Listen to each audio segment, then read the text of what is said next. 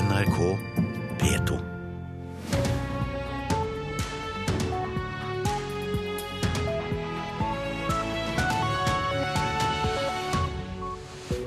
Og her ønsker Øystein Heggen deg velkommen til eh, Nyhetsmorgen. Vi har disse sakene. Bare én av fem toppledere i de 200 største norske selskapene i Norge er kvinner. Hva vil likestillingsministeren gjøre? Flere unge jenter er blitt skeptiske til vaksine mot livmorhalskreft etter negative medieoppslag. Foran eh, VM i St. Moritz er Norges håp i super-G, Ragnhild Mowinckel, tryggere enn før etter hjelp fra idrettspsykologer. Og her får du også høre mer om eh, dugnadsgjenger som er skuffet over at de må betale for å levere inn innsamlet plastavfall. Ja, bare én av fem toppledere i de 200 største norske selskapene i Norge er altså kvinner. Det viser topplederbarometeret fra Institutt for samfunnsforskning som presenteres i dag. Topplederbarometeret tar for seg kjønnsfordelingen i ledergruppene i de største selskapene. Barometeret viser også at eh, øverste leder nesten alltid er en mann. Og sånn bør det ikke nødvendigvis være, mener folk vi har snakket med. Jeg syns det er trist.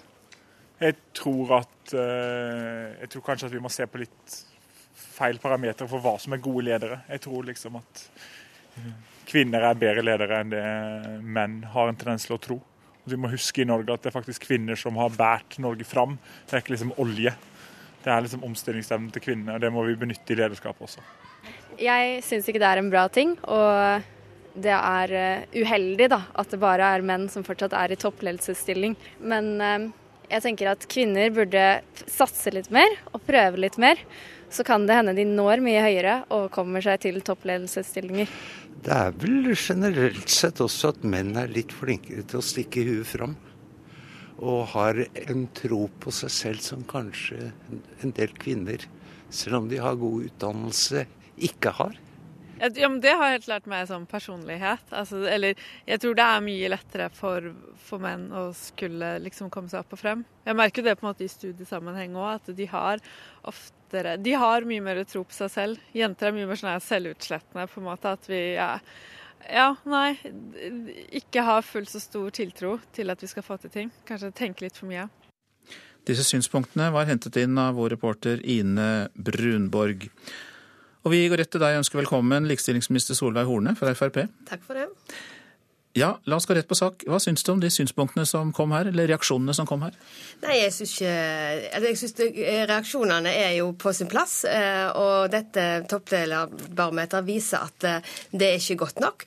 Og næringslivet har alt å tjene på å rekruttere eh, til topplederstillinger fra begge kjønn. Og vi ser òg at bedrifter som, som, satser på kvinner i toppledelsen, fremstår òg som attraktive, og at de er en, en arbeidsplass som, som, er moderne og progressive, og som folk ønsker å, å jobbe i. Kan du gjøre noe med det? Altså, Likestilling det skapes ikke av staten alene. Jeg tror at Først og fremst så har bedriftene selv en egeninteresse eh, av å aktivt jobbe for å rekruttere flere kvinner inn i staten. Og staten har klart det selv. De har 51% kvinner i toppledelsen. Og er, jeg håper jo at dette barometeret skal være med å inspirere næringslivet til å sette rekruttering av kvinner i toppledelsen på dagsorden på styremøtene sine. Også velkommen til kvinnen som har jobbet fram disse tallene, Sigtona Hall-Rynjo. Velkommen. Tusen takk. Eh, vi er jo en liten stab da, på Institutt for samfunnsforskning. Og CORE, som er kjernemiljø for likestillingsforskning. Dere har jobbet fram disse tallene. Og For å gå litt dypere inn i eh, forskningen, hvorfor tror du det fortsatt er slik? Eh, ja, det er jo det virkelig store spørsmålet, som vi også jobber med å gå i ordentlig i dybden på. Men noe av det, det som dette topplederbarometeret også viser, er jo at det er ikke bare eh, i toppledelse generelt at det er få kvinner. Eh, vi har også kartlagt eh, hvem som sitter i de operative stillingene, og hvem som er mer i stab- og støttefunksjon.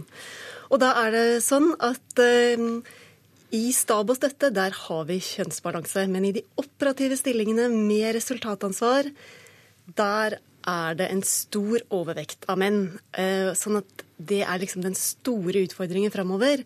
Er jo da å få flere kvinner inn i operative linjeposisjoner ganske tidlig i karrieren og gjennom eh, karriereløpet. Når du snakker om de operative, er det da ledere som har store geografiske områder som sitt ansvar, som har eh, store divisjoner som sitt ansvar? Nettopp. Det er eh, da f.eks. som i Statoil, så kan jo da en region være å ha være utvikling og produksjonsdirektør i enten i Norge eller i USA. Så det er ganske store regioner kanskje, og mye eh, stort ansvar man har. Men dette er jo noe man gjerne da også bygger opp gjennom, gjennom karriereløpet. Et annet interessant funn når du nevner USA, er jo at uh, kjønnsbalansen når det gjelder toppledelse, vel å merke, mellom Norge og USA, forskjellen er slett ikke så stor. Tvert imot. Det, der er, kommer vi ganske dårlig ut, begge to. Ja, og det er jo på en måte litt overraskende, for på veldig mange andre områder Eh, så scorer Norge veldig mye høyere enn USA. F.eks. på Global Gender Gap Report så er Norge nummer tre sammen med de andre nordiske land, mens USA ligger nede på 45.-plass. Og i, eh, i, Norge har vi også enda flere kvinner som tar høyere utdanning i forhold til menn eh, i Norge enn i USA. sånn at vi vi burde på en måte score bedre her, men det gjør vi altså ikke. Hva tror du er grunnen til det, Solveig Horne? Det er vanskelig å svare på, og vi må gå mer inn i disse tallene og følge den eh, utviklingen over tid. Men det som, eh, som det blir sagt her, at eh, med de gode velferdsordningene som vi har, og når vi ser at kvinner er aktive i både med å ta høyere utdanning og i arbeidslivet, så burde vi ligget høyere enn det som vi gjør. Så, så dette er tall som vi er nødt til å følge. Hvordan vil du følge det opp da, direkte og konkret? Nå har vi fått denne, denne, dette topplederbarometeret, som jeg håper vil være til inspirasjon. Så har ikke jeg tro på at staten skal gå inn og overstyre næringslivet, men at næringslivet må komme innenfra. Og, og, som jeg sa, så har næringslivet alt å tjene på å rekruttere fra begge kjønn. Og ikke minst så vil de fremstå som attraktive. Og når vi ser at jenter i dag tar høyere utdanning, så må vi òg vise de jentene at det er muligheter der ute til å få nå helt til topps. Og, og det er et arbeid som, som næringslivet sjøl er nødt til å ta ansvaret for. Og så skal vi bidra til gode prosjekter til å få fram eh, kunnskap, eh, sånn at vi kan gjøre dette her i sammen. Vil du ta ordet kjønnskvotering inn i din munn når det gjelder de aller øverste lederne på toppen? Nei, jeg ønsker ikke mer kjønnskvotering. Og, og det som det har vist, eh, den kvoteringen som vi har i ASA-styret i dag, så har ikke den smitteeffekten gitt at vi har fått flere toppledere. Så jeg har mer tro på at dette er et aktivt arbeid som næringslivet selv er nødt til å ta, ta ansvaret for. Og så må vi få fram gode rollemodeller, og der er NHO i særklasse òg med å få fram jenter og teknologi, som gjør at jenter òg tenker utdanning på innen teknologifaget. Men Havrinjo, kvotering har jo virket noen steder? Eh, ja, Vi ser jo klart at i de eh, styrene som er underlagt kvoteringsloven, så er det jo mange flere eh, kvinner enn i de styrene som ikke er underlagt loven. Så loven virker. Men som statsråden sier, så har det da ikke, foreløpig i hvert fall, skjedd noen smitteeffekt over til operativ toppledelse.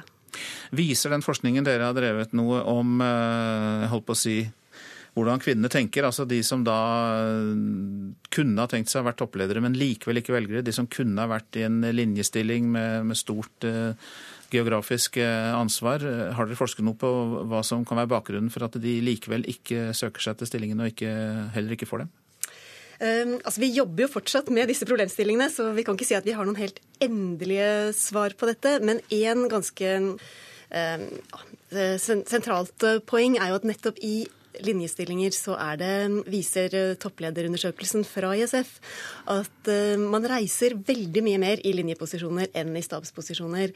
Og jo mer internasjonale mm, selskapene blir, og det norske næringslivet er faktisk veldig internasjonalt, jo mer og lenger må man reise.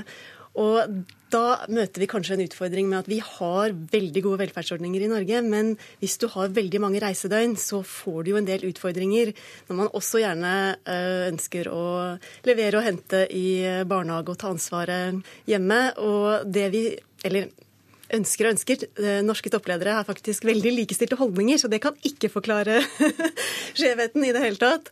Men eh, eh, det som den topplederundersøkelsen også viser, er at sannsynligheten for at en mannlig toppleder har bakkemannskap, har en partner som tar hovedansvaret hjemme, er veldig mye større enn for at en kvinnelig toppleder har de samme betingelsene.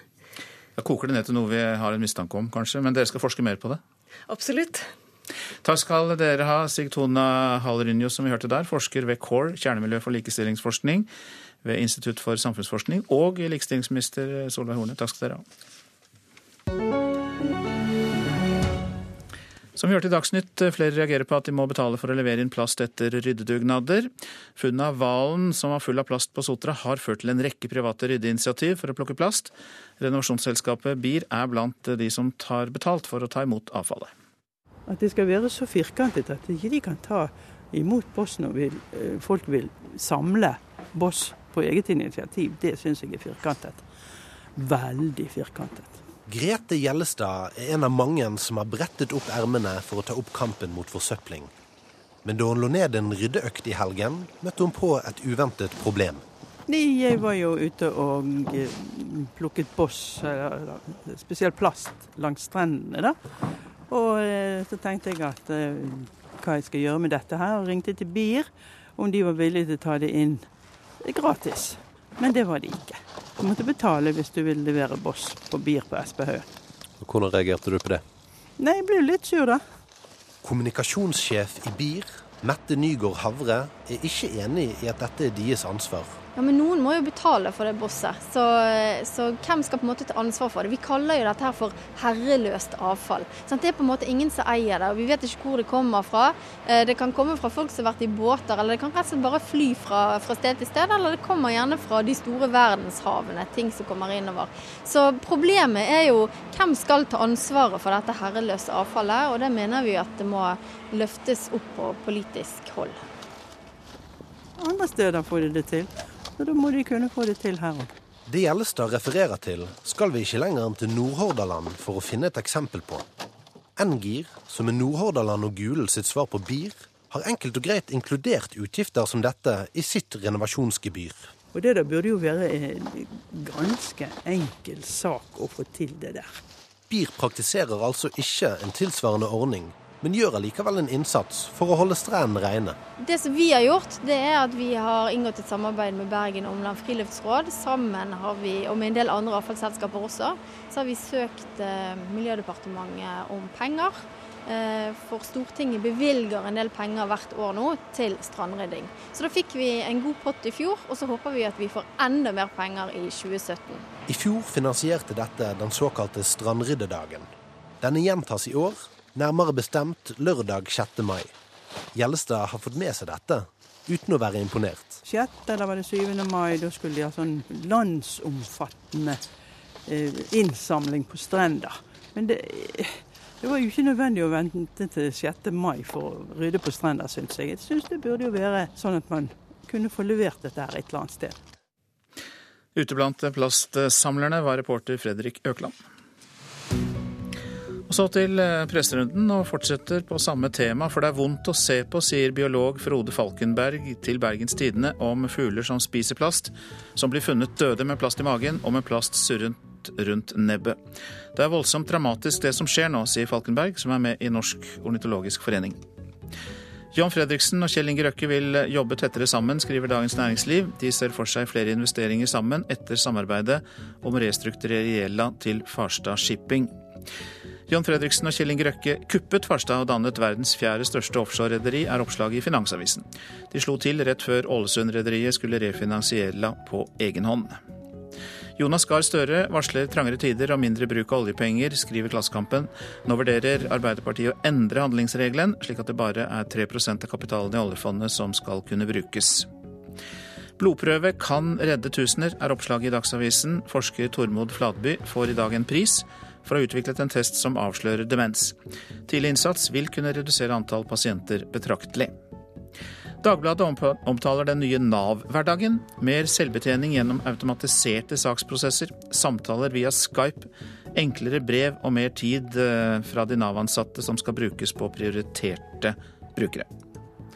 Siktelsen utvides mot den tidligere advokaten Amir Mirmutahari, skriver VG. Politiet mener han har inngått en avtale om å få en person drept. Fra før er han siktet for å ha planlagt kidnapping av et voldtektsoffer. Jeg er kjent med siktelsen, men ønsker ikke å kommentere den, sier Kim Eilertsen, som er Mirmutaharis forsvarer. Ny merking skal redusere matsvinn, er oppslaget i Nasjonen. Norgesgruppen tester nye rutiner for datostempling for å redusere matkasting fra butikkene.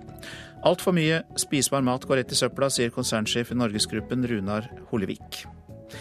Bibeloversettelsen pynter på samtalene mellom Jesus og Paulus, kan vi lese i Vårt Land. De snakket egentlig om slaver, sier bibelforsker, men i oversettelsen blir de omtalt som tjenere. Noen steder kunne ordet vært oversatt annerledes, svarer Bibelselskapet. I dag starter alpin-VM i St. Moritz i Sveits med kvinnenes super-G. Vårt antatt sterkeste kort, Ragnhild Mowinckel, har vært åpen om at hun har slitt med prestasjonsangst og søkt hjelp hos idrettspsykologer. Men nå er hun langt sterkere mentalt.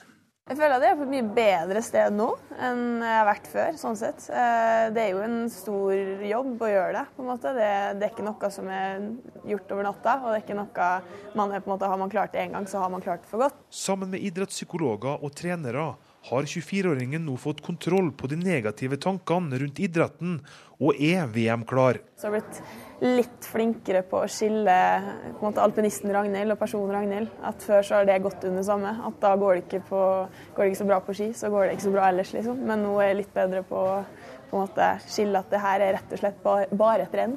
Og det er ikke noe verre enn det.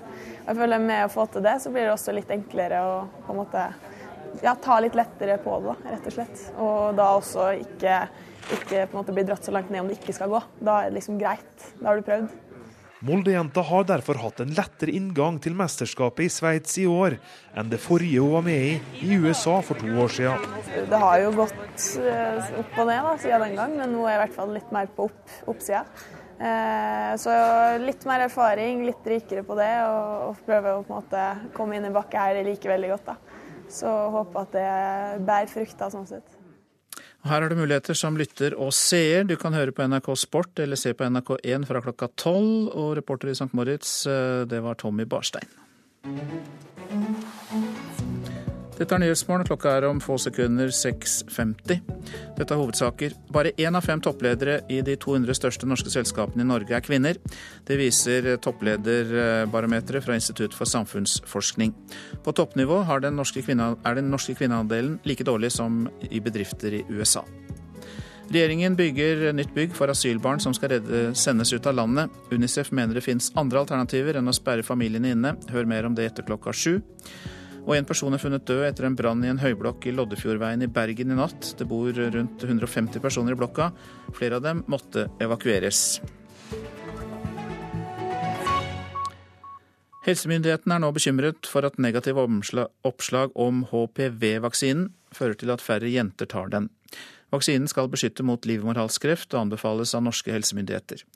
Men medieoppslag om uheldige bivirkninger fører til at flere unge jenter nå er skeptiske. Har du benytta deg av gratistilbudet til HPV-vaksina?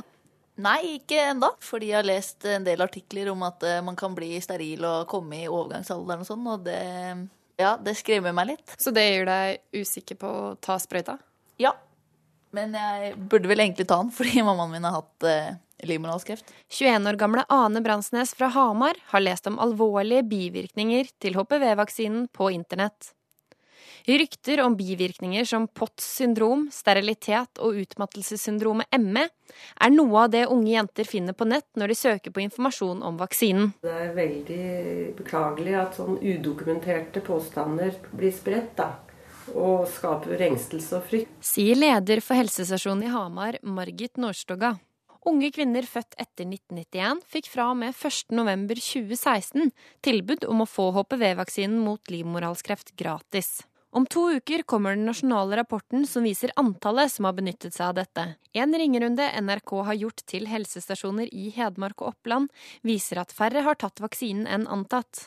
Helsemyndighetene er bekymra og frykter at jentene lar seg skremme av negative oppslag om vaksinen. Og det er klart Når det er leger og kompetente personer som står fram og hevder og uttrykker skepsis, så er det jo klart at det er naturlig at det skaper bekymring. Margrete Greve Isdal er overlege på avdelingen for vaksineforebyggende sykdommer hos Folkehelseinstituttet. Hun kjenner godt til bekymringene unge jenter har, og som gjør at de kan vegre seg for å ta vaksinen. Overlegen mener det er på tide å stoppe ryktene om det hun mener er feilinformasjon. Eh, det sirkulerer en del eh, informasjon både på sosiale medier og på bl.a. en anonym blogg, vet vi. At det er noen artikler som spres. Det er utrolig lett å spre frykt, og det er veldig vanskelig for oss som jobber med dette å få snudd det. Vi hadde ikke gått ut og anbefalt denne vaksinen til så mange jenter i deres beste alder hvis ikke vi hadde vært sikre på at dette er en veldig, veldig god grunn til å ta den. Margit Nordstoga håper flere vil benytte seg av tilbudet fremover, og at folk legger vekk skepsis for bivirkningene som hun mener ikke er dokumenterbare. Det er en veldig dyr vaksine hvis du skal kjøpe den. Den koster over 1000 kroner per dose. Og du ha, trenger tre doser for å få full beskyttelse. Altså Det er jo en soleklar helsegevinst, og det er jo derfor helsemyndighetene anbefaler. Reporter her var Synne Sanderud. Under halvparten av helseforetakene her i landet klarte å holde budsjettene sine i fjor. En gjennomgang VG har gjort, viser at sykehuset i Østfold er lengst unna å innfri økonomisk. Helseforetaket skulle etter planen gå med 252 millioner i underskudd i 2016. I stedet lå underskuddet i desember an til å bli på 433 millioner kroner. Også Akershus universitetssykehus, Sykehuset i Telemark, Helse Møre og Romsdal og Helse Nord-Trøndelag er alle sammen langt unna å klare de økonomiske kravene. Pilotene i United Airlines slutter seg til kolleger i andre flyselskaper i USA og ber president Donald Trump stoppe konkurransen fra Norwegian. United Airlines mener Obama-administrasjonens avgjørelse om å slippe til Norwegian i USA over tid vil ødelegge amerikansk luftfartsindustri, og jobbene knyttet til den, det melder Chicago Business Journal. United Airlines har vært hardt presset på pris av blant andre rutene til SAS og Norwegian, og i desember meldte Finansavisen at flyselskapet måtte legge ned ruten Oslo-New York. Hvis du forsøker å slå opp det personlige pronomenet 'hen' i en norsk ordbok, så finner du ingenting. Men i Sverige har ordet vært inne i varmen en stund allerede. Når Arbeiderpartiet nå vurderer å tillate en tredje kjønnskategori i norske pass, så gjør det debatten aktuell igjen. Også her i landet. Det sier direktøren i Språkrådet. Vi har jo først og fremst eh, tilrådd at uh, hen blir brukt uh, som kjønnsoverskridende pronomen hvis brukerne ønsker det. Sier direktør Åse Vetås i Språkrådet. Når det gjelder folk som da har en annen kjønnsidentitet, så syns vi det er rimelig at vi skal akseptere at de ikke vil bli omtalt som han eller hun. Språket er jo det viktigste redskapet vi har for å bekrefte at vi er der, at vi er til, at vi er velkomne, eller i verste fall uvelkomne. Sier sexolog og transperson Espen Ester Pirelli Benestad, og applauderer nyheten om at Arbeiderpartiet åpner for muligheten for et tredje alternativ til kjønn i partiprogrammet sitt. Dette er jo et politisk prosjekt som blir et stort velkomment til mellom 1 og 2% av den norske befolkningen.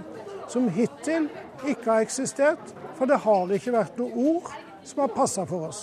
I går holdt han foredrag på Sogndalen ungdomsskole i Vest-Agder. Eh, og på en måte, Jeg vet ikke om dere kjenner eh, sånne trær sånn som heter bonsai-trær. Professoren fra Grimstad har i flere år kjempa for retten til å kalle seg hen og hin. Altså, når, når man lærer om lære om tre pronomen, da, for å si det sånn. Et for vanlige jenter, et for vanlige gutter, et for, for de som er både og eller noe annet eller noe tredje eller noe fjerde. Så vil jo hver og en lære det, at det er noe der for meg også. Mens hen fikk plass i den offisielle svenske ordlista i 2015, er det ennå et stykke igjen før hen havner mellom to permer i en norsk ordbok. For at det skal skje, må ordet ha vært i jevn bruk over tid, sier Åse Vetås. Sånn at uh, vi er sikre på at dette er et ord som faktisk uh, fortjener plassen sin der. Vi følger først og fremst med på den utviklinga der er, og så får vi se både hvordan dette eh, utvikler seg videre politisk, og om det da blir praktisk behov for eh, en måte å omtale en sånn ny kjønnskategori på. Uansett har Espen Ester Pirelli Benestad bøyinga klar. Hen og hens. Eh, og du kan bruke hen der du ikke vet hvilket eller hvilket kjønn det dreier seg om. Og du kan bruke det der hvor, som er et mangfoldig kjønnsord. Altså hen kan brukes på mange, mange, mange måter. Og, og vi skal ikke begrense bruken, fordi den hen skal brukes av den som trenger det. Og det vil skape henrykkelse. Og reporter her var eh, Miriam Grov. Så tar vi fatt på værvarselet fram til midnatt. Østafjells skyet og litt snø av og til. Det vil blåse østlig stiv kuling langs sørlandskysten. Vest for Lindesnes periodevis sterk kuling. Så ser vi Vestlandet, Trøndelag og fjellområdene i Sør-Norge samlet, faktisk. Det blir lettskyet eller pent vær i hele dette området, men lokalt eh, sterk østlig vind. I fjellet kommer det som sterk kuling utsatte steder. Sør for Haukeli kan det komme vindkast opp i stormstyrke. Nord-Norge rolig og pent vintervær, men en del skyer eh, i Finnmark. På Finnmarkskysten vil i perioder blåse sørvestlig liten kuling, og sør i Nordland ventes fortsatt sørøstlig stiv kuling utsatte steder. Så går vi ut i havet til Spitsbergen. Sørvestlig sterk kuling utsatte steder der. I nord og øst kan hende vestlig liten storm, men vinden minker mot kvelden. Det blir sludd og regn på Spitsbergen, snø i høyereliggende områder. Så tar vi for oss temperaturene målt klokka fire. Svalbard lufthavn pluss fire, Kirkenes minus seks, Vardø pluss én. Alta og Tromsø-Langnes begge minus fire. Bodø minus én, Brønnøysund minus to, Trondheim-Værnes minus tre, Molde pluss 1, Bergen-Flesland minus 2. Stavanger og Kristiansand-Kjevik begge med minus 1 grad. Gardermoen og Lillehammer begge minus 6. Røros eh, minus 9 og Oslo-Blindern med minus 5 grader. Og etter klokka sju så skal vi bl.a. Eh, høre mer om at regjeringen bygger nytt bygg for asylbarn på Trandum, men hjelpeorganisasjonene mener det finnes eh, mange bedre alternativer til det.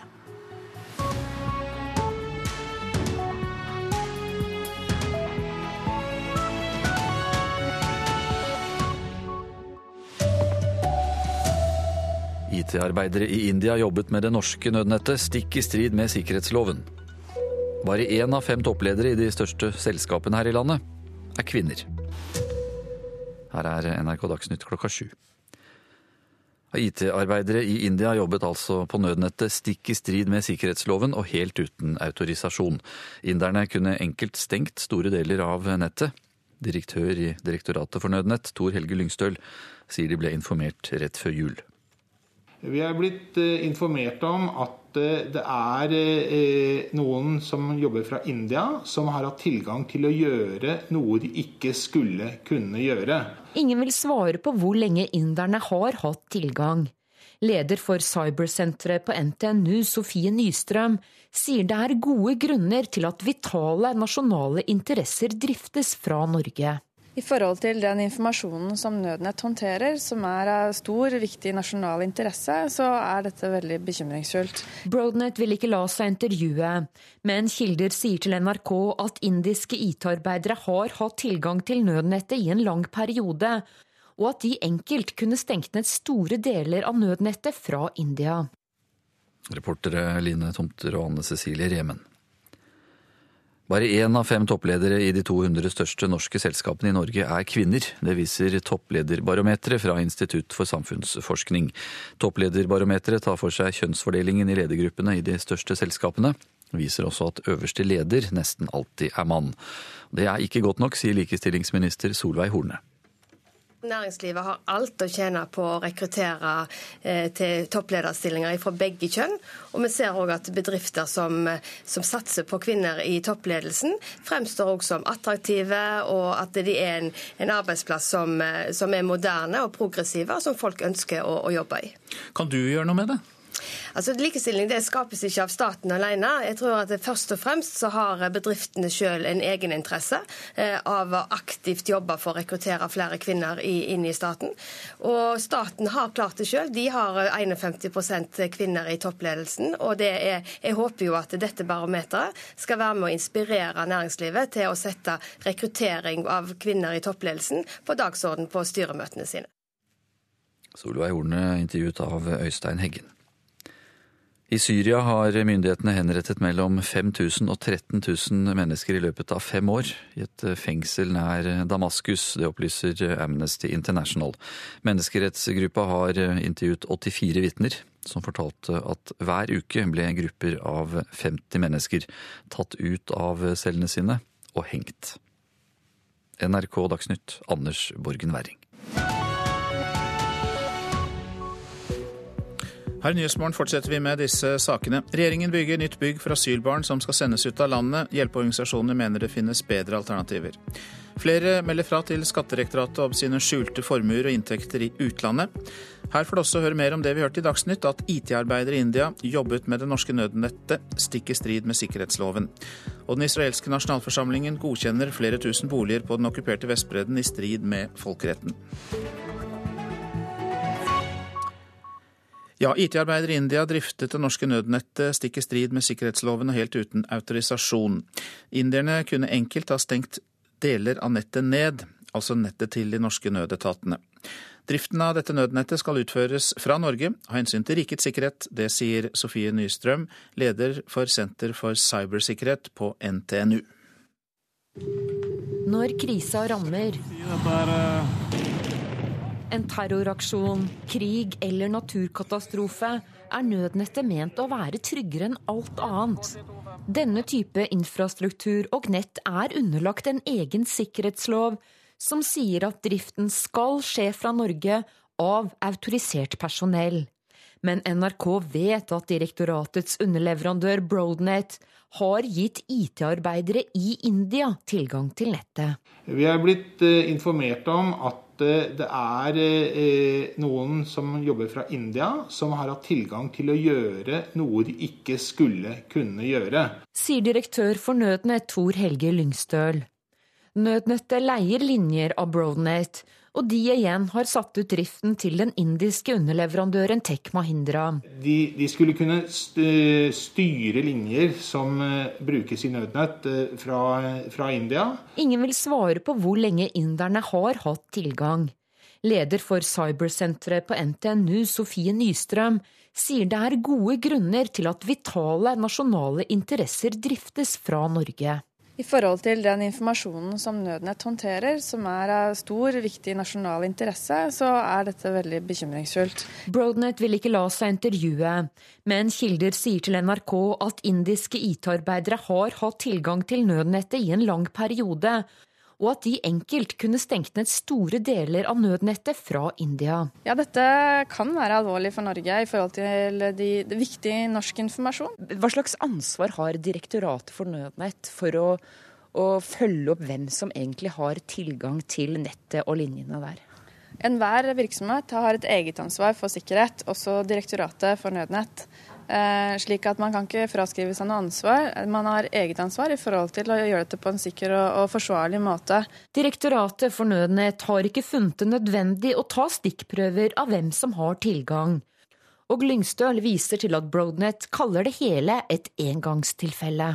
Dette er store tekniske systemer. Å, gå dypt inn i systemet til Broadnet, det kan ikke vi som deres kunde gjøre. På det praktiske planet å gå inn i deres systemer og sjekke hvilke rettigheter som faktisk er satt, eh, det oppfatter jeg ikke som vår oppgave. Jeg tror det er veldig mange norske virksomheter som er naive i forhold til det som står på papir, versus det som faktisk er implementert. Burde direktoratet her gjort stikkprøvekontroller, f.eks.?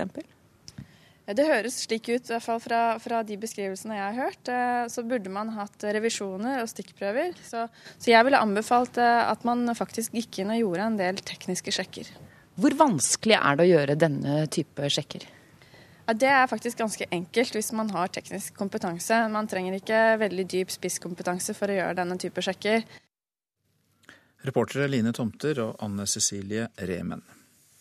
Regjeringen bygger nytt bygg på utlendingsinternatet Trandum i Akershus for å bedre forholdene for asylbarn som skal sendes ut av landet. Flere menneskerettighetsorganisasjoner og Sivilombudsmannen har lenge hevdet at internatet er uegnet og skadelig for barn. Mens innvandringsministeren dermed mener at det blir bedre med et nytt bygg, er flere hjelpeorganisasjoner fortsatt skeptiske. Like ved Gardermoen flyplass, bak høye gittergjerder og bevokta av politi, ligger Trandum utlendingsinternat.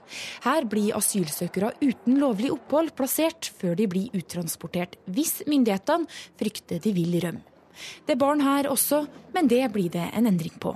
Her er et av beboerrommene som da skal eh, erstattes eh, på et nytt sted. Innvandrings- og integreringsminister Sylvi Listhaug åpner metalldøra til et soverom som kan låses utenfra.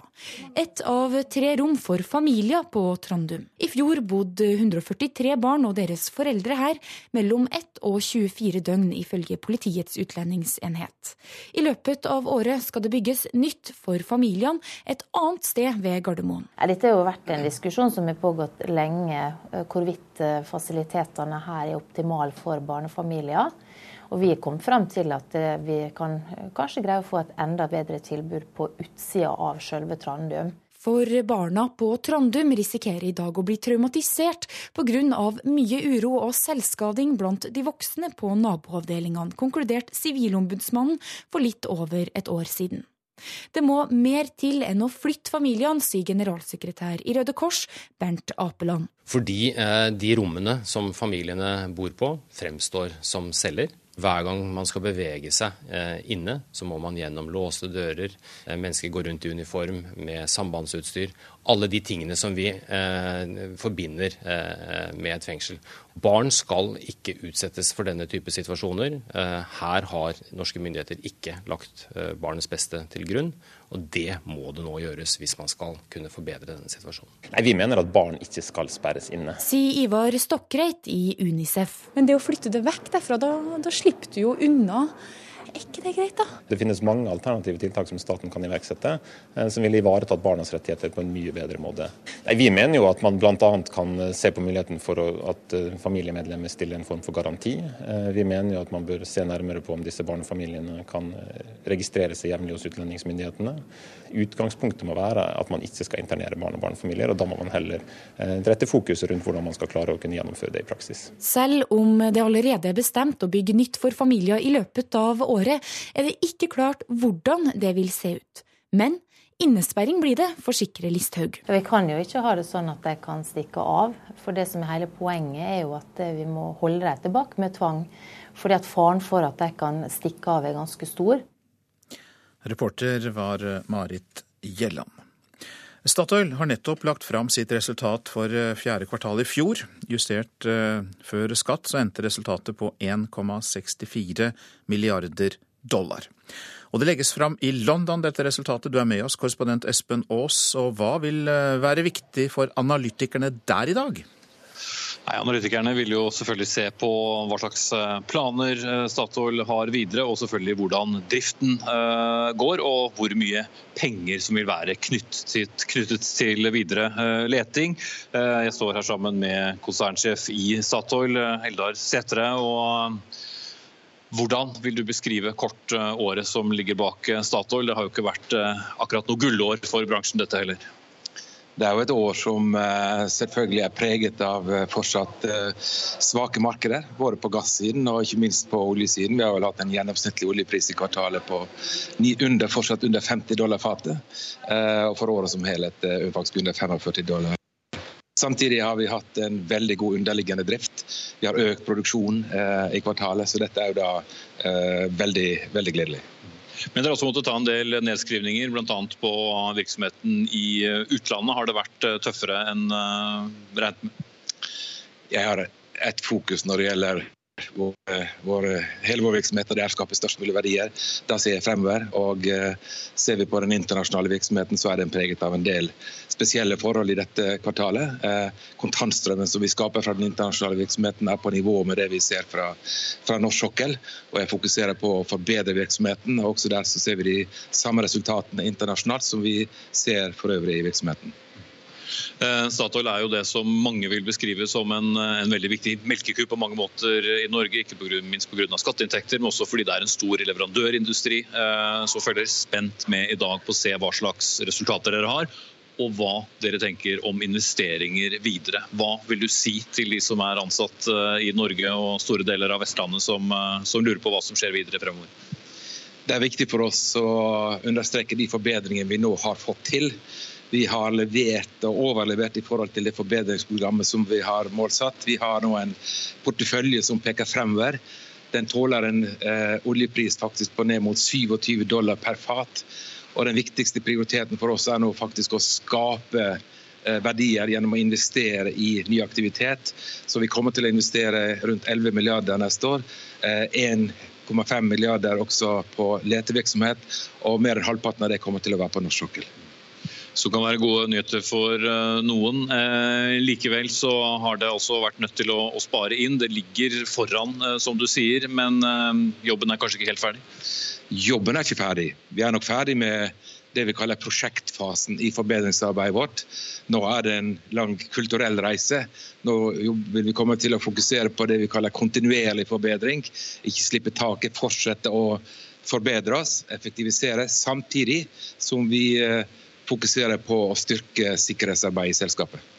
Takk skal du ha, konsernsjef Sætre. Og som vi hører, så er det mer i vente eh, for eh, Statoil når det gjelder eh, innsparinger, også i Norge og internasjonalt. Korrespondent Espen Aas direkte fra London. Klokka nærmer seg 7.14. Dette er hovedsaker.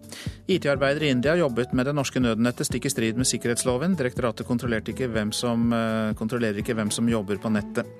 Regjeringen bygger nytt bygg for asylbarn som skal sendes ut av landet. Hjelpeorganisasjonene Røde Kors og Unicef er skeptiske og mener det fins andre alternativer enn å sperre familiene inne. Bare én av fem toppledere i de 200 norske selskapene, de største altså, er kvinner. Det viser topplederbarometeret fra Institutt for samfunnsforskning. Og vi har nettopp hørt at Statoil har lagt fram sitt resultat for fjerde kvartal i fjor. Justert for skatt endte det på 1,64 milliarder dollar.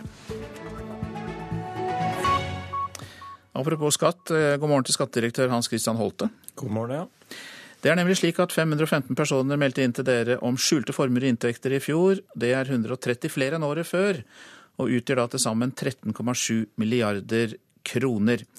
Hva tror du er grunnen til at flere kommer og melder seg?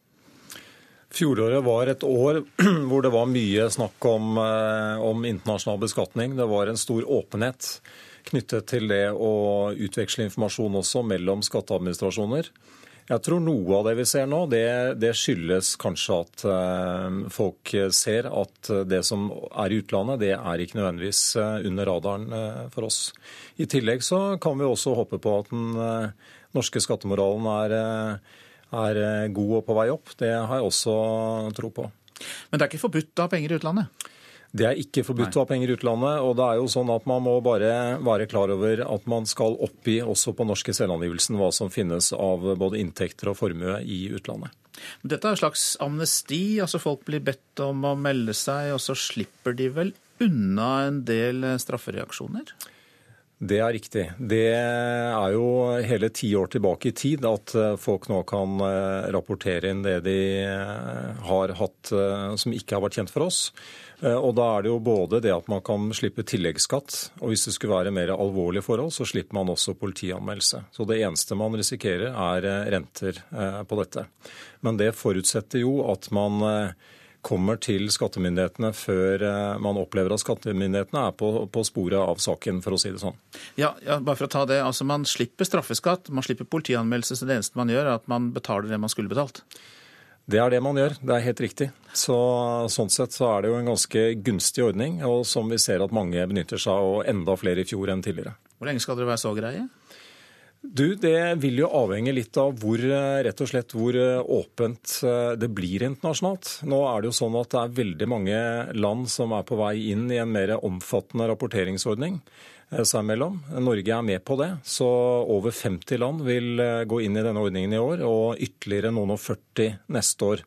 Så det er klart at når det blir stadig mer utveksling av informasjon, så blir det vanskeligere å kunne hevde at dette kommer jeg med på eget initiativ. Dette kommer jeg ikke med fordi jeg antar at dere vet noe om meg. Nei, så Det at flere land er med på det internasjonale samarbeidet, fører til at dere får bedre kontroll og kan bli hardere klypa etter hvert? Ja, at dette er jo en ordning som vi ser har virket de siste ti årene. Det har brakt eh, over 1,5 milliarder kroner inn til norske statskassa. Eh, og vi ser som sagt i år at det er mer enn noen gang. Så dette er en ordning som eh, enn så lenge er der, og som jeg vil oppfordre folk til å, benytte seg av. Det er en uh, ordning som er gunstig for folk som kanskje har noe utestående. Ikke nødvendigvis fordi de har ønsket å skjule det, men fordi man kanskje ikke har vært helt klar over regler osv. også. Nå kan det være noen lyttere som er litt spent på hvilket land det dreier seg om her. Altså, Hvor er det folk eh, skjuler penger oftest? Du, denne, denne, mm, eh, dette uttrykket om en tante i Sveits ser ut til å være fortsatt ganske dekkende på når det gjelder hvor eh, folk skjuler penger. For Sveits troner helt øverst på denne listen. Av de rundt 14 milliarder kronene som vi nå har fått avdekket i fjoråret, så var 10 milliarder fra Sveits. Så det er mer enn ti ganger mer enn land nummer to på lista, som er Luxembourg. Så det er noen få land som helt klart dominerer her. Takk skal du ha i denne omgang, skattedirektør Hans Christian Holte. Nå om plattformarbeidere med ADHD-diagnose. De tør nemlig ikke fortelle om helsetilstanden sin til kolleger og arbeidsgivere. Oljearbeidere NRK har snakket med, beskriver en fryktkultur der de ikke tør å snakke høyt om at de har denne diagnosen, og det til tross for at de har fått eh, godkjentstempel fra legen. Jeg tenker Vi skal høre litt på hjertet ditt, vi skal høre litt på lungene dine. Vi skal måle blodtrykket i dag òg. Helsekontroll er noe alle som jobber i oljenæringa offshore må gjennom minst annethvert år. Trekk pusten godt inn. En del av de som får godkjent, har likevel diagnoser som de medisineres for, eksempelvis ADHD. Og flere av de holder helsetilstanden skjult på jobben, forteller nestleder i Safe, Roy Erling Furre. Jeg har skjønt at enkelte er litt redde for å si så veldig mye om det. Man er redd for å få anmerkninger og komme i utboksen. I alle fall folk jeg har snakka med, som eh, er litt bekymra for at dette kan være belastende for arbeidsforholdet. En oljearbeider med ADHD som NRK har snakka med, forteller at han er taus om diagnosen. Han er redd for å bli beskyldt som syndebukk ved hendelser, eller å i verste fall miste jobben. Når dispensasjon er gitt, så skal de kunne delta på lik linje med andre sier fylkeslege i Rogaland Janne Dale Melhus.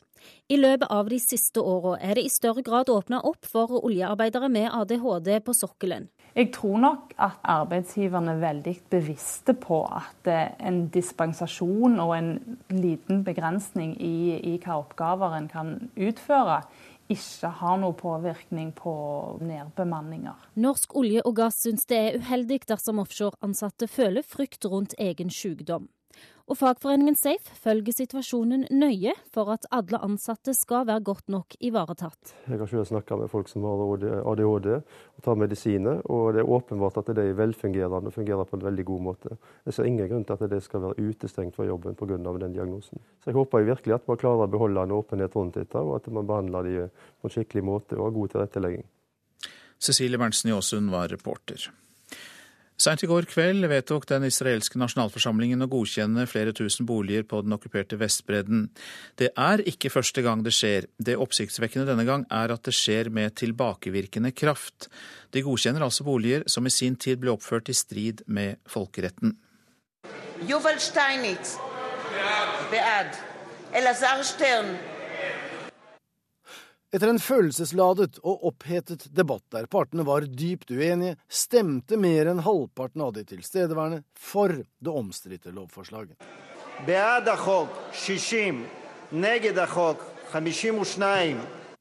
Vedtaket er omstridt fordi det går lenger enn det som hittil har vært vanlig praksis for forskjellige israelske regjeringers bosetningspolitikk på Vestbredden, en praksis som det internasjonale samfunn også har fordømt. Selv statsminister Benjamin Netanyahu skal ha vært skeptisk til forslaget fordi det kunne skade Israel internasjonalt, men han støttet det allikevel, noe som fikk opposisjonsleder Isak Herzog til høylytt å kreve at Netanyahu måtte stanses. Tatsor, Bibi, tatsor.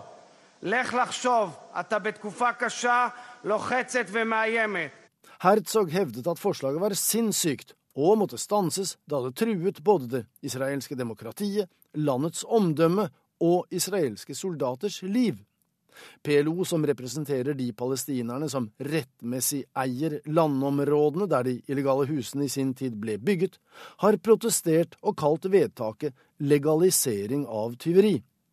Den israelske eksperten på internasjonal rett, professor Yael Ronen, er klar i sin karakteristikk av vedtaket.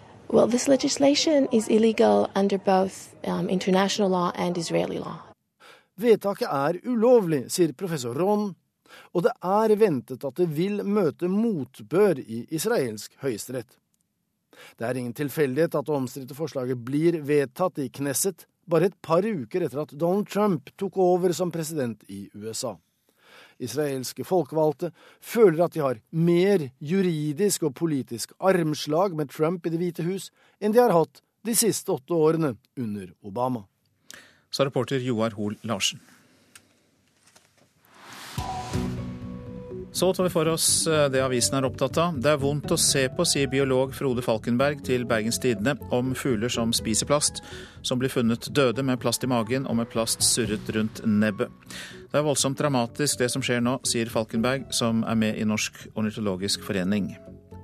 John Fredriksen og Kjell Inge Røkke vil jobbe tettere sammen, skriver Dagens Næringsliv. De ser for seg flere investeringer sammen etter samarbeidet om å restrukturere gjelda til Farstad Shipping. Jan Fredriksen og Kjell Inge Røkke kuppet Farstad og dannet verdens fjerde største offshorerederi. Det er oppslaget i Finansavisen. De slo til rett før Ålesund-rederiet skulle refinansiere gjelda på egen hånd. Jonas Gahr Støre varsler trangere tider og mindre bruk av oljepenger, skriver Klassekampen.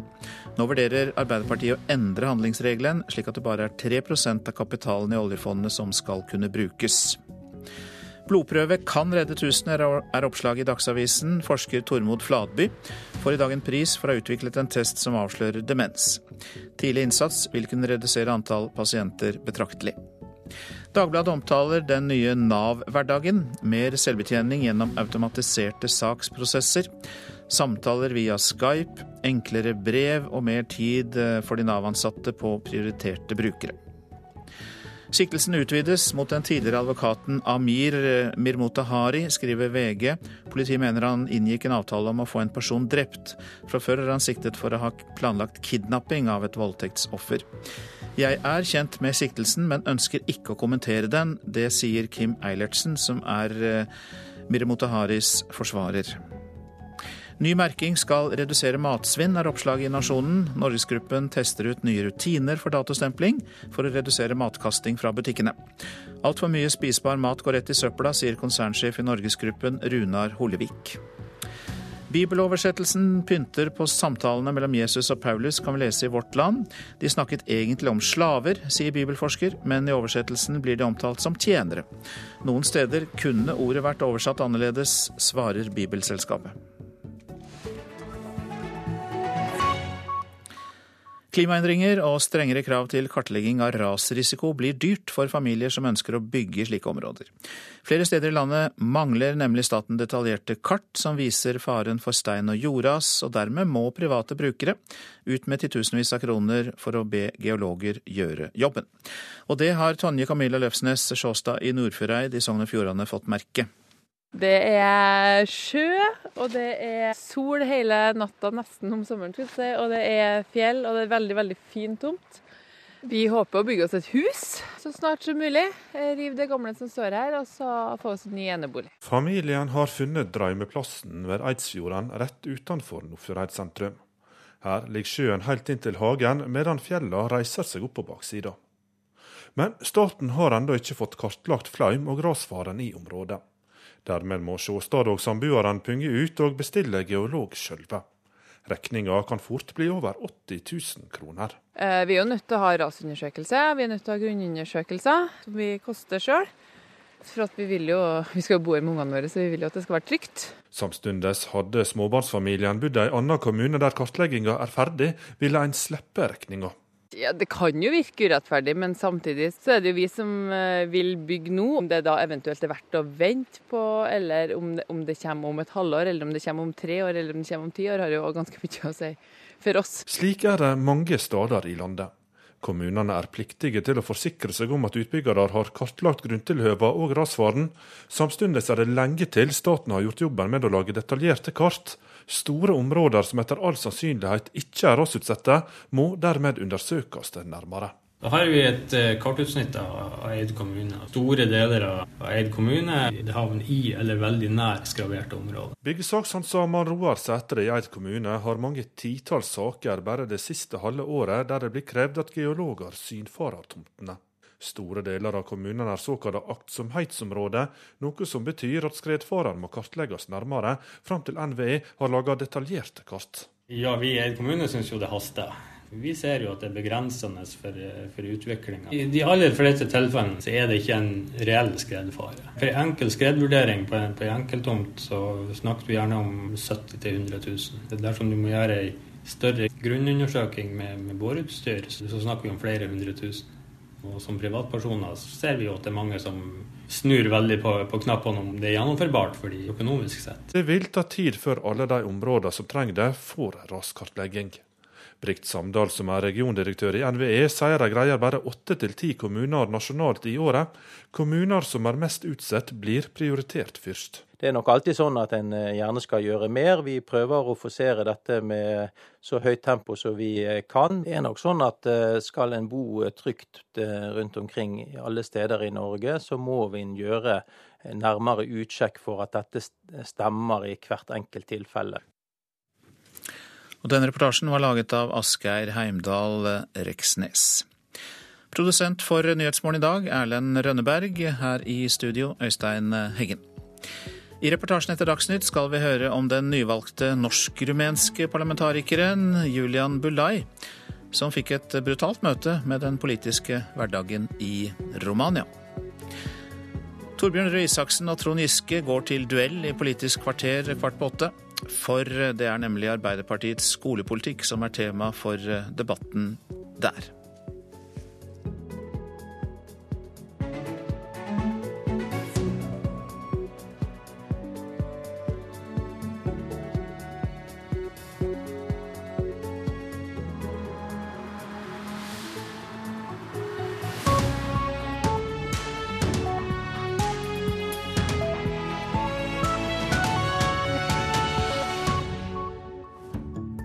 Teknologigigantene Apple, Google, Facebook og Netflix kaster seg sammen med nesten 100 andre selskaper inn i kampen mot Trumps innreiseforbud. Er det politisk engasjement som ligger bak, eller bare god, gammeldags merkevarebygging? Hør Kulturhuset klokka 13 på P2.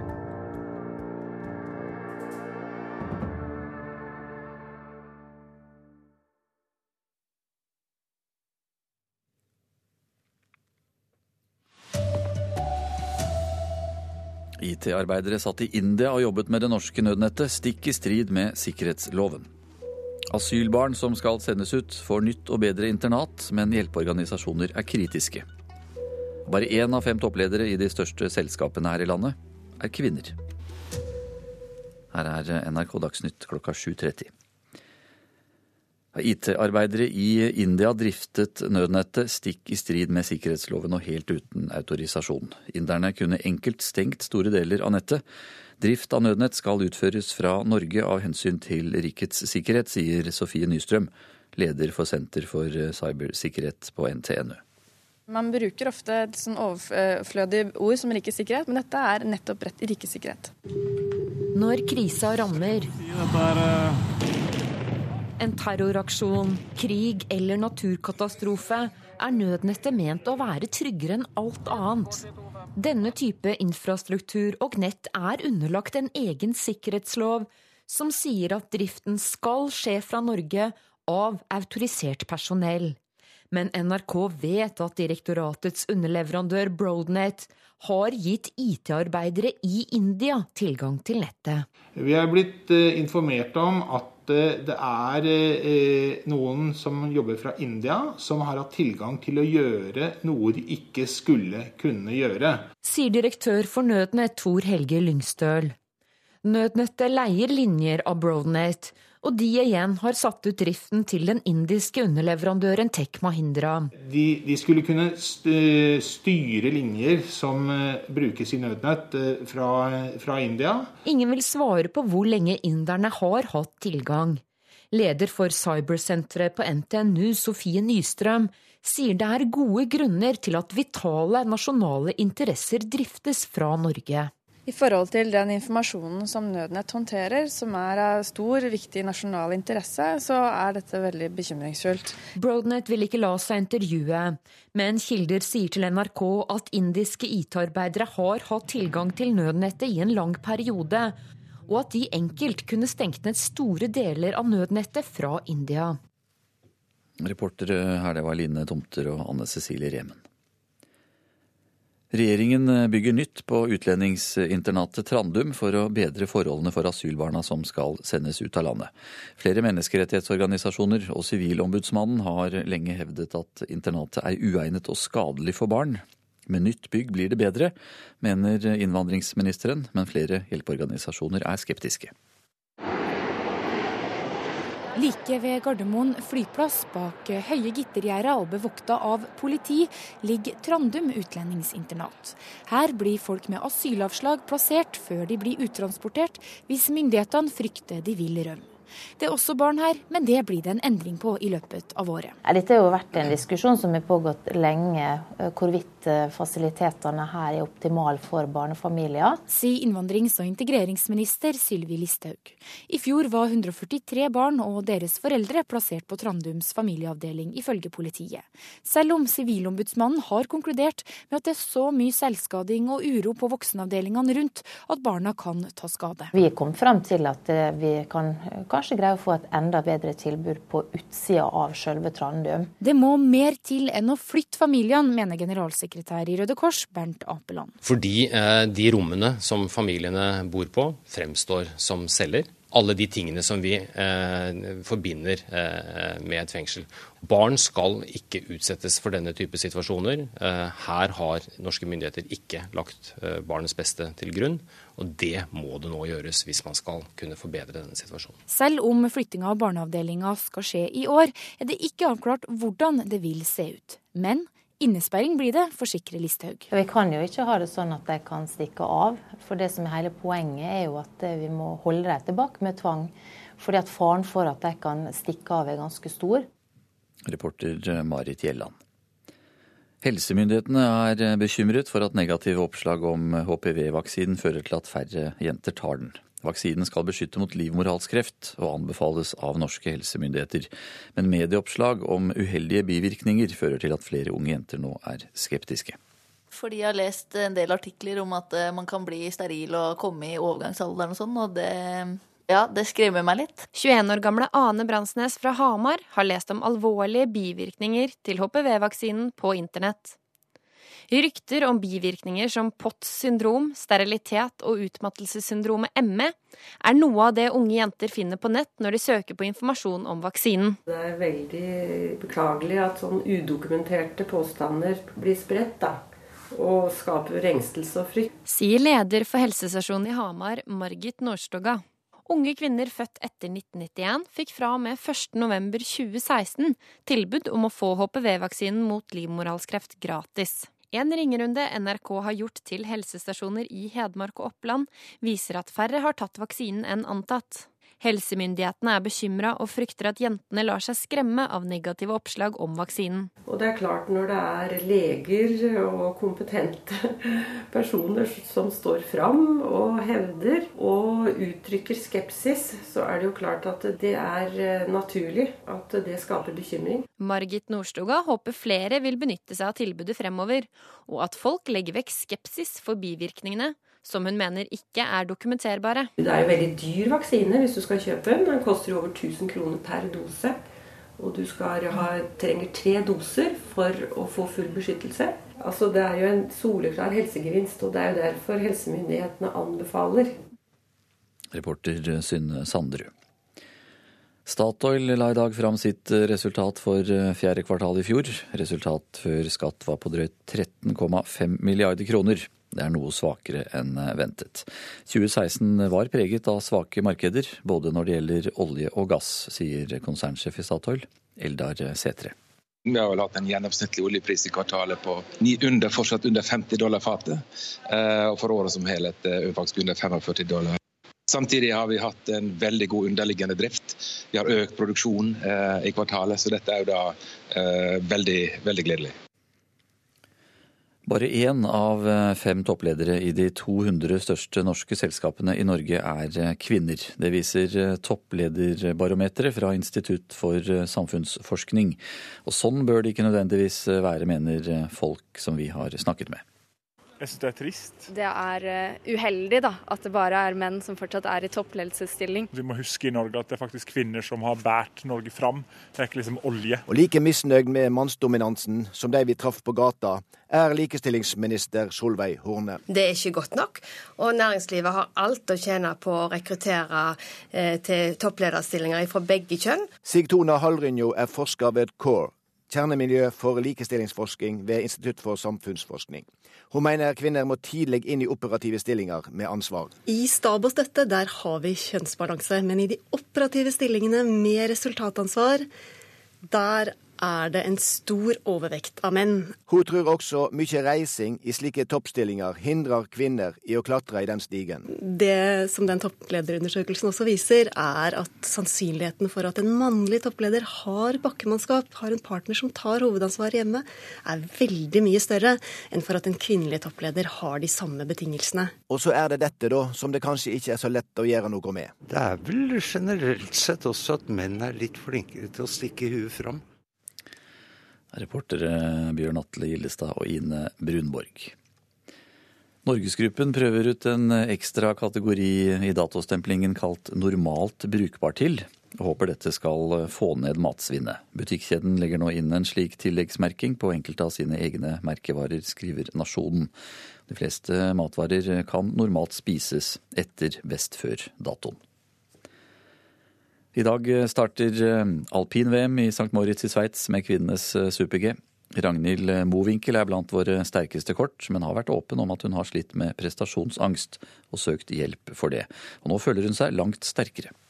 Jeg føler at jeg er på et mye bedre sted nå enn jeg har vært før. sånn sett. Eh, det er jo en stor jobb å gjøre det. på en måte. Det, det er ikke noe som er gjort over natta. og det er ikke noe man er på en måte, Har man klart det én gang, så har man klart det for godt. Sammen med idrettspsykologer og trenere har 24-åringen nå fått kontroll på de negative tankene rundt idretten, og er VM-klar. Så har blitt litt flinkere på å skille på måte, alpinisten Ragnhild og personen Ragnhild. At Før så har det gått under samme. At da går det, på, går det ikke så bra på ski, så går det ikke så bra ellers, liksom. Men nå er jeg litt bedre på å skille at det her er rett og slett bare et renn. Og det er ikke noe verre enn det. Rennet følger du på NRK Sport eller NRK1 fra klokka tolv. Reporter her, det var Tommy Barstein. Ansvarlig for NRK Dagsnytt i dag, Elin Pettersen. Jeg heter Anders Borgen Werring.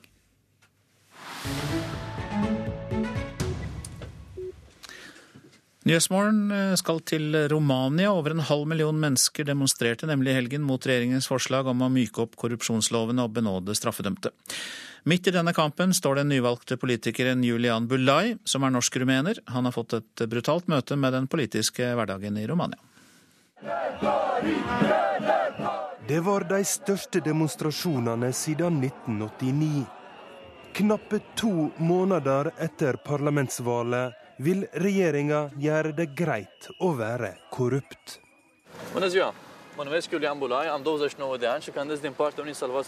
Det var få skyer på himmelen desemberdagen vi møtte Julian Bullei. Han delte ut flygeblad i en mellomstor by ved foten av Karpatene. Han hadde tatt med seg ideer fra Norge for å lokke til seg velgere, som taxistuntet til Jens Stoltenberg. Det gikk veldig fint. Folk fortalte meg om all slags ideer om å reformere den rumenske politiske klassen, som vi sier. Jeg vet at det er ikke et uttrykk som dere bruker i Norge, den politiske klassen. Noen uker seinere møter vi han i det gigantiske parlamentet i Bucarest. Folkets hus, som Ceaucescu kaller det. Julian har sin første dag som rumensk rikspolitiker. Han representerer landets tredje største parti, som kjemper for én ting, og det er å bli kvitt korrupsjon i disse gangene. Allerede har de fått seg en nasestyver. I deputertkamera er de hensatt til en krok. Det er regjeringspartiet sin måte å si velkommen på. Så de har prøvd å isolere oss eh, på den måten. Regjeringspartiet PSD er det største partiet i Romania. Ingen forstår egentlig hvorfor. Ei forklaring er at høyresida er splitta opp i mange halvsmå partier. Men PSD, Partidul sosialdemokrat, er likevel pressa. Den konservative presidenten Klaus Johannis har gitt korrupsjonsjegerne fritt leide til å gå etter toppfolka i rumensk politikk. En av dem er PSD-leder Liviu Dragna. Han er dømt for valjuks og soner en betinga dom på to år. En ny dom for maktmisbruk er på trappene. Han er et hastevedtak unna fengsel. Så på nyåret begynner regjeringa å flagge nye ideer. Hva med å la nåde gå for rett? Fengsla er overbefolka, det er på tide med reform. Bare å lansere disse ideene førte til store protester i de rumenske gatene, som også presidenten deltok i. Så regjeringa holdt kjeft. I nattas mulm og mørke på en tirsdagskveld denne veka avkriminaliserte de maktmisbruk i et hastevedtak. Det betyr at du kan misbruke staten sine institusjoner inntil en verdi av rett under 400 000 kroner. I Bucarest peker demonstrantene på partileder Liviu Dragna. Dette var skreddersydde tiltak for å holde han ute av fengsel. Dragna med sin grå bart ser ut som en rumensk John Bolton. Han er en rik mann og har styrt heimfylket sitt som sitt personlige fyrstedømme. Nå står han i skjærselden mellom statsministerposten og ei fengselscelle. Og vi legger til at Regjeringen i Romania har besluttet å legge forslagene på is, men det er fremdeles uklart om de vil komme med lignende lovendringer i ny innpakning. Reporter Roger Severin Bruland. Så til hovedsakene i nyhetene. IT-arbeidere i India jobbet med det norske nødnettet stikk i strid med sikkerhetsloven. Direktoratet kontrollerte ikke hvem som jobbet på nettet. Asylbarn som skal sendes ut av landet får et nytt og bedre internat mens de venter. Hjelpeorganisasjonene er likevel kritiske, og mener det finnes andre alternativer enn å sperre familiene inne. Bare én av fem toppledere i de største selskapene her i landet er kvinner, viser en rapport fra Institutt for samfunnsforskning. I de største norske bedriftene er kvinneandelen blant topplederne like dårlig som i USA. Så er det Politisk kvarter, og det er ved Bjørn Myklebust.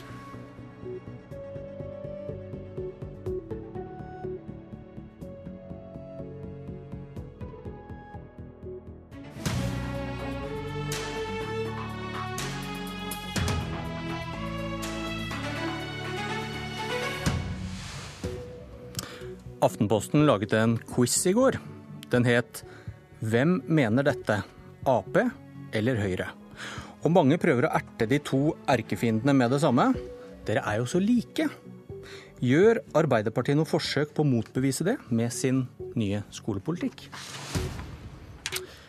Kunnskapsminister Torbjørn Røe Isaksen, jeg så at du hadde tatt Aftenpostens quiz i går. Hvordan gikk det?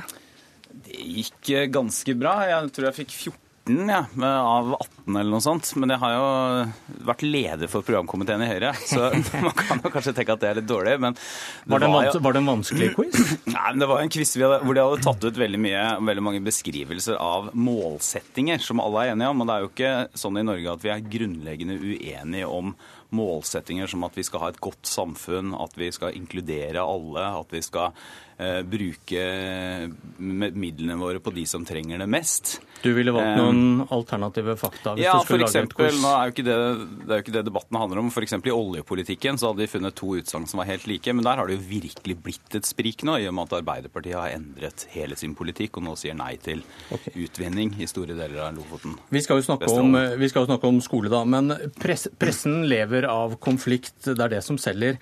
Hvorfor skulle pressen ha noen interesse av å framstille Arbeiderpartiet og Høyre som like, hvis det ikke stemmer? Eh, fordi at det er et artig poeng som sikkert får klikk. Og fordi at det er jo også riktig at eh, hvis du skal finne de partiene som står lengst fra hverandre i norsk politikk, så er det ikke Høyre og Arbeiderpartiet. Så Høyre og Arbeiderpartiet representerer jo ikke ytterpunkter eller motpoler, men eh, Høyre og Arbeiderpartiet representerer helhetlige alternativer til høyre og venstre i politikken. Men det er noen som mener de har sett et eller annet her, da? Kanskje hvis ikke pressen skal ha noen andre jo, motiver? Det er, helt, det, er helt sikkert, det er helt sikkert noen som har sett noe der. Men jeg vil jo ikke si at Arbeiderpartiets partiprogram nå er et bidrag til å legge seg nærmere Høyre. Snarere der de faktisk har klart å ta noen tydelige standpunkter, så går de tydelig mot venstre i de fleste steder.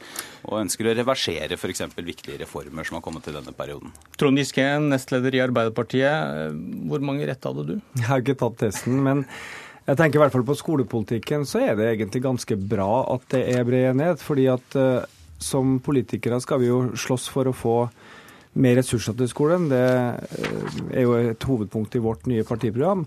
Men når det gjelder det faglige innholdet i skolen, så syns jeg vi skal i større grad lytte til dem som er i skolen. Lærere, pedagogene, ekspertene. Hva gir god læring? Det er det masse forskning på. Eh, og Derfor er det heldigvis mer konsensus. For så har jo Høyre nå Eh, lagt bort forslaget sitt om karakterer i barneskolen, fordi at eh, forskerne sier at det ikke fungerer. Flere lærere fungerer, høyt læringstrykk fungerer. En god skolehelsetjeneste som både gir hjelp til elevene, men også avlaster lærerne, det hjelper. Mindre byråkrati, mer tid til læring. Dette er ting som vi lytter til forskerne og vil gjennomføre i skolen. Så ja, litt som på helsesektoren bør vi sørge for gode rammer, men lytte til eksperter når det gjelder undervisningsformer, akkurat som vi lytter til eksperter når det gjelder behandlingsformer. Dere er ganske like, sa vel Liske nå, eller? Ja, Du mener at vi skal avlyse sendinga og gå hjem? Jeg syns det påfallende Jeg har lest litt i skolekapitlet til Arbeiderpartiet, og det, det påfallende er jo at Arbeiderpartiet har jo brukt ti år nå på å både ta gjentatte oppgjør med egen skolepolitikk. Det startet med Anniken Huitfeldt i 2006, og så kom vel Trond som den siste nå i 2015 eller noe sånt, med et oppgjør med Arbeiderpartiets skolepolitikk. De har klaget over at de ga kunnskapsministeren til SV, og da har man jo en viss forventning om at Arbeiderpartiet nå skulle lande en klar og tydelig skolepolitikk. Men det har de ikke klart i dette programmet. Her er det noen venstredreininger, sånn som på friskoler. Det er noen ting hvor det er helt uklart hva de mener fortsatt. F.eks. For om masterutdanning, som er en historisk reform for nye lærere. Og så er det ting hvor de tidligere har vært for, som de nå går mot. F.eks. fraværsgrensa i videregående skole. Det som, det som skiller er bl.a. Eh, lærernorm. Eh, skal det settes et tak for hvor mange elever det kan være per lærer? Eh, så klassene da, eller gruppene ikke blir for store. Og Arbeiderpartiet vil, hvis da dette blir vedtatt på landsmøtet, ha en lærernorm på kommunenivå der kommunen må ha et visst antall lærere per elev, men at det da åpnes for at det er forskjell mellom de enkelte skolene. og dere vil kun ha det for de yngste elevene, Giske. Men eh, hvor mange elever per lærer skal dere kreve? I Stortinget har det vært diskutert én eh, lærer per 15 elever eller én lærer per 16 elever. Vi har ikke eh, konkludert på det i programmet. Vi vil gå grundig gjennom det. Hva er det dere mangler av kunnskap om norsk skole for å komme med det tallet som gjør, som gjør at vi kan snakke om det? Vi mangler bl.a. gode tall på akkurat det du beskrev nå. Hvor stor variasjon er det på lærertettheten i de ulike kommunene og de ulike skolene? Det vet man ikke? Eh, nei, man har ikke full oversikt over det, nei. Eh, og vi vet også at det er nullvekst i antall lærerårsverk under eh, denne regjeringa. Og det lærerne sier ute i skolen, er jo at skal vi hjelpe alle barn, skal vi gjøre noe med at 15 000 elever i hvert kull detter ut av skolen før de har fullført, så trenger vi mer tid og særlig blant de yngste. Vi har jo gjort en stor feil, alle partier, eh, også Høyre, eh, de siste 20 årene ved at vi har leita etter årsaken til frafall i videregående skole i videregående. Men sannheten er at dette begynner egentlig i starten av barneskolen. Det er når alle elevene får et godt grunnlag på lesing, skriving, regning, og at læreren har tid til å hjelpe de elevene som sliter at de kommer seg gjennom grunnskolen, gjennom videregående og inn i arbeidslivet. Ok, jeg skal bare altså... høre hva, hva, Statistisk sentralbyrå har skrevet om, om det, noe av dette her. da. Høsten 2012 bevilget Stortinget 1,5 milliarder kroner over fire år til 600 nye lærerstillinger på ungdomstrinnet, og satsingen førte til mindre grupper i ordinær undervisning, men vi finner ingen tegn til at elevenes læringsutbytte økte. Sitat slutt. Nå er det jo veldig, veldig komplisert å måle læringsutbytte, fordi at det er utrolig mange faktorer som påvirker det. Eh, vi syns det var helt feil å fjerne 600 lærerstillinger fra ungdomsskolen eh, og bare gjøre om til frie midler til kommunene. Men du sier det er vanskelig, er det, er det, skal vi bare tro på det, da? Nei, da, vi, skal, måle det? Nei da, vi skal måle det så godt vi kan, men læringsutbytte har det er utrolig mange faktorer som påvirker. og det sier, sier det sier SSB, ja. det sier SSB sjøl, at dette er vanskelig å måle. Det er laga nye systemer for å måle det, for å se på bl.a. sosioøkonomiske faktorer og den type ting. Men altså når omtrent alle lærere forteller oss, og også foreldre, at det som mangler i skolen er mer tid, så vet vi at lærertetthet har betydning. Det gjør at du får tid til å se hver, hver enkelt. Det her er ikke rocket science, men det det forskerne sier, er at det har aller størst effekt på de yngste. For at i første til fjerde så er sosialiseringsaspektet i læringa størst. Det er der du skal legge de grunnleggende ferdighetene som du skal bruke som basis for å lære videre. Og det er derfor vi sier i programmet at flere lærere og en lærernorm i første til fjerde, det er de første stegene vi skal gå. Og en skikkelig kommuneøkonomi som gjør at ikke som i dag, en del kommuner rett og slett kutter i antall lærere. I høyrestyrte Stavanger 70 færre lærere. Det er klart det blir ikke en bedre skole av det. Vi må bruke pengene som det, på det som er viktigst, og da er det en god skole som er aller øverst på den lista. Røe Isaksen, du har ventet på hva Arbeiderpartiet ville lande på. Nå lander de da på eh, en lærernorm på kommunenivå for de minste elevene. Men jeg, jeg tror for det første så tror jeg at flere, flere lærere, hvis man bruker det riktig, er veldig fornuftig. Vi har jo f.eks. sagt at vi skal ha en forsterka plikt for skolene til å sette inn tiltak, ekstraundervisning, for elever som ikke har knekt lesekoden, ikke har lært seg å regne i de tidlige årsløpene. Det kommer man til å trenge flere lærere til. Men så har jo Arbeiderpartiet gjort noe som er ganske typisk for Arbeiderpartiet, nemlig at de har gått høyt på banen og sagt at vi skal ha en lærernorm, latet som de er enige med Kristelig Folkeparti og Sosialistisk Venstreparti i det, og så leverer de et forslag som på ingen måte står i forhold til retorikken. Altså Dette er et forslag hvor Trond Vil Giske kan... bety- vil det ikke bety Nei, noe? altså det dette vil bety, For det første kan ikke Trond Giske si hvor store vil klassene bli på dette. eh, For det handler ikke forslaget om. For det andre så kan han ikke si hvilke kommuner det vil gjelde for. Hvis man setter f.eks. et forholdstall 20 elever per lærer, så er det bare, er vel omtrent bare Oslo og kanskje noen kommuner til som, som ikke oppfyller det måltallet på kommunenivå. For det tredje så er jo dette her den aller beste oppskriften som er mulig å finne for å fjerne lærere fra mellomtrinnet og ungdomstrinnet. For det, man setter altså et nasjonal norm for hvor mange lærere man skal ha tidlig i skoleløpet, men ikke noen norm senere i skoleløpet. Og det også de 50% av kommunene som er styrt av Arbeiderpartiet, eller det er vel noe, noe sånt eh, cirka, kommer til å gjøre mange av dem, er jo da å flytte lærere fra mellomtrinnet og ungdomstrinnet. Hvordan hindrer, du, hvordan hindrer man det, Giske? Først og fremst ved å ha en solid kommuneøkonomi. Jeg tror sjøl Høyre-ordførere i, i, ute i kommunene, eh, f.eks. i Stavanger, ikke kutter i skolen med lett hjerte. De gjør det fordi de må. Og når f.eks. det første statsbudsjettet til Torbjørn Røe Isaksen hadde nesten 100 ganger så mye til skattekutt som satsinga på barneskole, ungdomsskole og videregående til sammen. Men- da er det så feil prioritering. Og det er jo derfor vi har jo fått mye kjeft de siste par ukene for at vi skal gjøre om på en del av de skattekuttene Høyre har gitt til de aller rikeste. Men en del av de pengene skal vi bruke på å gi barn og unge en Men- bedre men- skole, du- du flere lærere ja, kan ikke du og bedre skolehelsetjeneste. istedenfor å snakke Ja, om ja, men jeg, jeg lurer på det, fordi det du, sa- det du sa Ja, nå, at hvis, hvis dere styrker kommuneøkonomien, Mhm. Hvorfor trenger man da en lærernorm? For Lærernormen er for å tvinge de kommunene som må faktisk prioritere. Og så sier du at vi skal gi dem så mye penger at de trenger ikke prioritere mellom de yngste og de eldste elevene. Nei, Det er to grunner. da. For det første så vil vi være helt trygge på at første til fjerde blir prioritert. Fordi at eh, vi har sett at på tross av at vi har snakka om tidlig innsats nå i ti år, så bruker vi nesten tre ganger så mye ekstraressurser på elevene i åttende til tiende som vi gjør fra første til tredje. Og det er helt feil. Vi må legge inn ekstraressursene mye tidligere. og Derfor så må vi ha en systematisk større satsing på de aller yngste. For det andre så ser vi jo ikke bort ifra at vi kan få en lærernorm også på de høyere trinnene, men vi må begynne et sted. og Derfor ønsker vi å begynne med første til fjerde, for å få erfaring med det og se hvordan det slår ut. Men hvis dere, gir, det nok penger, hvis dere gir nok penger så man slipper å tappe de eldste trinnene for å gi til de mindre, da trenger du jo ikke noe lærernorm, for da har de jo nok penger. Ja, jeg er i hvert fall helt enig i at nok penger til kommunene, bare en 3-4 milliarder som vi har foreslått, som er en femdel omtrent av det som er gitt i skattekutt, det ville ha vært et voldsomt løft også for skolen, i tillegg til eldreomsorgen og alle de andre viktige sakene i kommunene. Så jeg er helt enig. Det er det absolutt viktigste. Begynne å sette skole foran skattekutt. Det er det store retningsvalget for valget i 2017. Ok, eh, Røe Isaksen, du, du mener at en lærernorm er dumt fordi som du har pekt på mange ganger også i dette studio, gruppestørrelsene har ikke så mye å si for læring. Eh, Hvorfor foreslår ikke Høyre da å øke gruppestørrelsen? Ja, gruppestørrelse har selvfølgelig noe å si, men det vi, som ikke er noen god dokumentasjon på, det er at hvis man uh, sier at, uh, alle klasser i Norge skal ha fem elever mindre, så vil elevene automatisk lære mer. Og Grunnen til det er rett og slett fordi at det handler veldig mye om måten man underviser på, måten man legger opp læringen på. Men til mitt spørsmål betyr... da, hva hvis man øker gruppestørrelsene med fem elever, da? Ja, altså det, det, det, fordi, nei, man, kan, man kan jo Vent litt. Man kan jo kaste bort mye ressurser. Ja, hvis nei, gruppestørrelsen er, kunne vært større, ja, uten er, at det fikk noe å si. For, for, en del veldig veldig små skoler med veldig veldig små klasser, så kan det hende at det å ha flere elever i klassen faktisk er en god idé.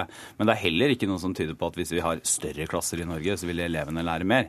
Men ikke grunn... mindre, da, etter din jo, eh, logikk? Nei, altså det er ikke så fryktelig vanskelig å forstå hvis man, hvis man ikke er veldig tabloid og svart-hvitt. Eh, så er det liten dokumentasjon på at det å senke klassestørrelsen i seg selv gir bedre læring læring for elevene.